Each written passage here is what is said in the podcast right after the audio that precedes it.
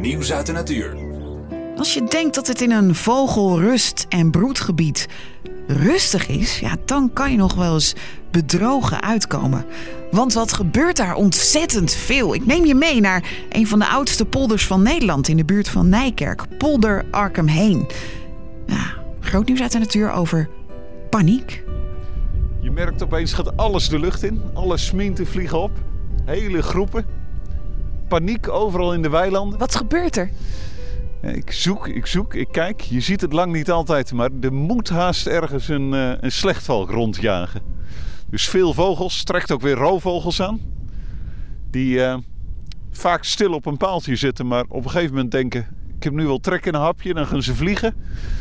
En dan ontstaat er dit. Dan zie je echt in een, in een, van, van het ene eh, weiland naar het volgende... De, alle groepen opvliegen en een veilig heenkomen zoeken.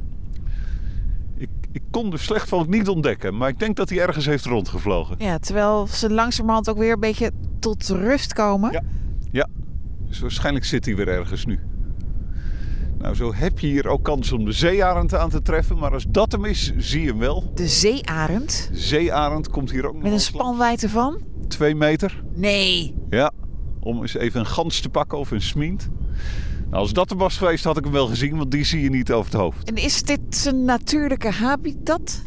Ja, er zijn plekken niet zo heel ver weg waar die ook wel broedt tegenwoordig.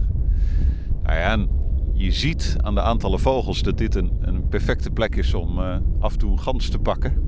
Wat voor een zeearend een ideale prooi is. En als hij dat op, op een dag één keer doet, dan kan hij er ook wel weer even tegen. Een rust.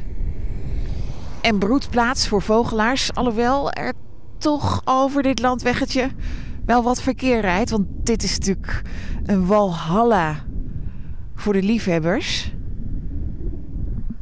Ja, er zitten hier duizenden vogels. Dat zie je. Er stoppen hier geregeld auto's. Grote lenzen uit het raam.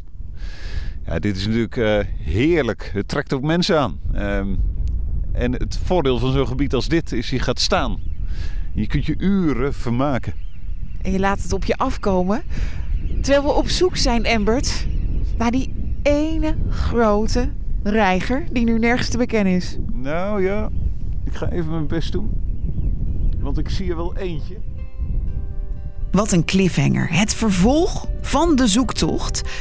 Dat ga je meemaken in een volgende aflevering van de podcast van Groot Nieuws uit de Natuur. Zien in nog een podcast? Luister naar De Preek van de Week via grootnieuwsradio.nl slash podcast.